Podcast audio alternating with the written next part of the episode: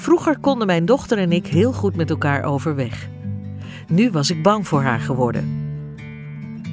Welkom bij aflevering 17 van Mijn Geheime Verhaal. Leuk dat je luistert. In deze podcast van Margriet hoor je de waargebeurde verhalen van vrouwen zoals jij en ik. Verhalen die deze vrouwen niet aan de grote klok hangen. En als je ze hebt beluisterd, snap je waarom. Dit keer het verhaal van Marie, die mishandeld werd door haar dochter. Wat ben ik blij dat ik die ene ochtend bij een vervangende huisarts terecht kwam. Anders was er nog steeds niets aan de situatie veranderd. En dat zou funest zijn geweest voor mij en mijn dochter, die ik ondanks alles niets kwalijk neem. Ik ben ervan overtuigd dat ze het nooit slecht heeft bedoeld. Maar we zaten samen in de knoei en dat kon echt niet zo doorgaan. Ik liet me die bewuste ochtend door de taxi afzetten, pal voor de huisartspraktijk. Lopen ging niet met mijn pijnlijke enkel en ik had het niet aangedurfd mijn dochter Charlotte te bellen. Ik was bang om afgesnauwd te worden. Bovendien was zij wel de laatste die ik onder deze omstandigheden wilde zien. Ik trilde nog na van onze ruzie de dag ervoor. Ik rekende erop mijn eigen huisarts te treffen. Ik was altijd een beetje bang voor hem. Hij is jong, hooguit 35, en ik voelde elke keer dat hij nauwelijks geduld met me had. Doordat hij op vakantie was, kwam ik bij zijn oudere vrouwelijke collega. Ze schrok ervan hoe dik mijn enkel was. Dat moet erg veel pijn hebben gedaan toen u viel. Waarom bent u niet meteen gekomen? Uw dochter was toch bij u? Ik mompelde dat mijn dochter haast had gehad en dat de pijn heus niet zo erg was geweest. Ze keek me recht aan. Dat geloof ik niet, zei ze. U heeft een gescheurde enkelband. Bovendien lees ik in uw dossier dat u het afgelopen jaar meerdere keren bent gevallen en zelfs eenmaal een hoofdwond hebt gehad.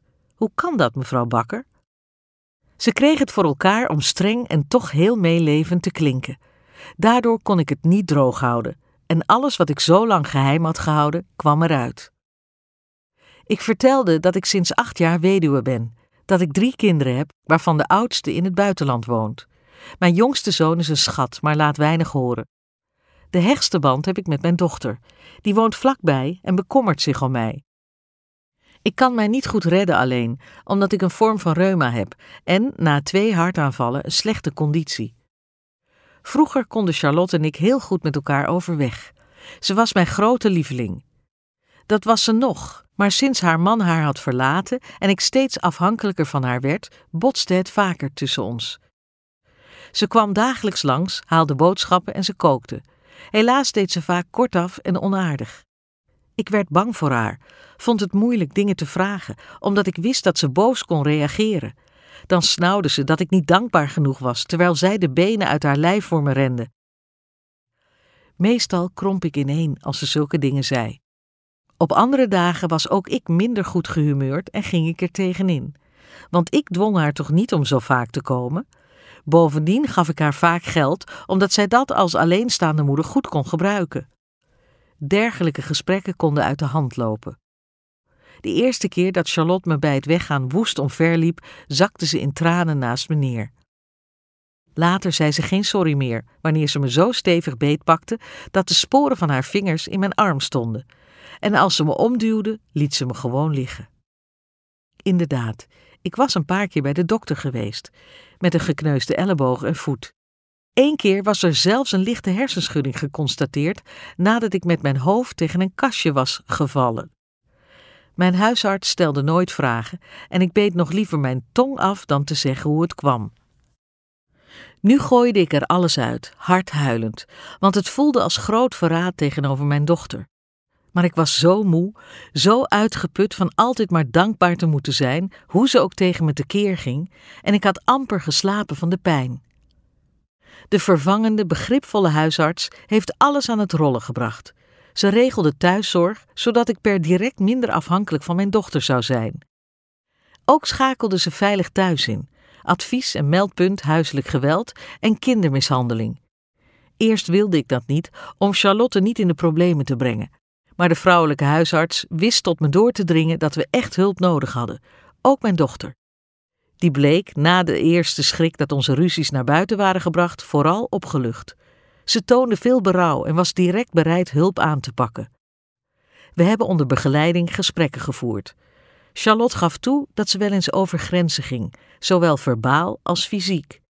Huilend gaf ze aan dat ze dat natuurlijk helemaal niet wilde, maar dat het haar gewoon allemaal te veel was: haar kinderen, haar werk en dan ook nog de zorg voor mij. Hoewel er nog van alles is gebeurd, zelfs jeugdzorg heeft zich ermee bemoeid, want als ze zo licht ontvlambaar was naar mij toe, hoe ging dat dan thuis? Hebben we alleen maar met vriendelijke mensen te maken gehad, die het beste met ons voor hadden. Charlotte heeft de hulp gekregen die ze zo hard nodig had. Daardoor gaat het beter met haar en tussen ons. Ik heb nog steeds thuiszorg, iets wat ik eigenlijk al veel eerder had moeten krijgen. Het is onbegrijpelijk dat mijn eigen huisarts dat niet al lang had ingezien. Ik ben niet langer zijn patiënt. Gelukkig kon ik overstappen naar zijn vrouwelijke collega. Ik zie haar nog altijd als mijn reddende engel. Wat ben ik haar dankbaar. Hoe moeilijk het ook was om te delen wat er speelde, het is alleen maar goed geweest.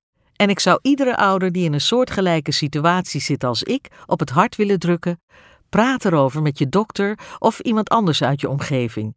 Of bel met Veilig Thuis, desnoods anoniem, om je hart eens te kunnen luchten.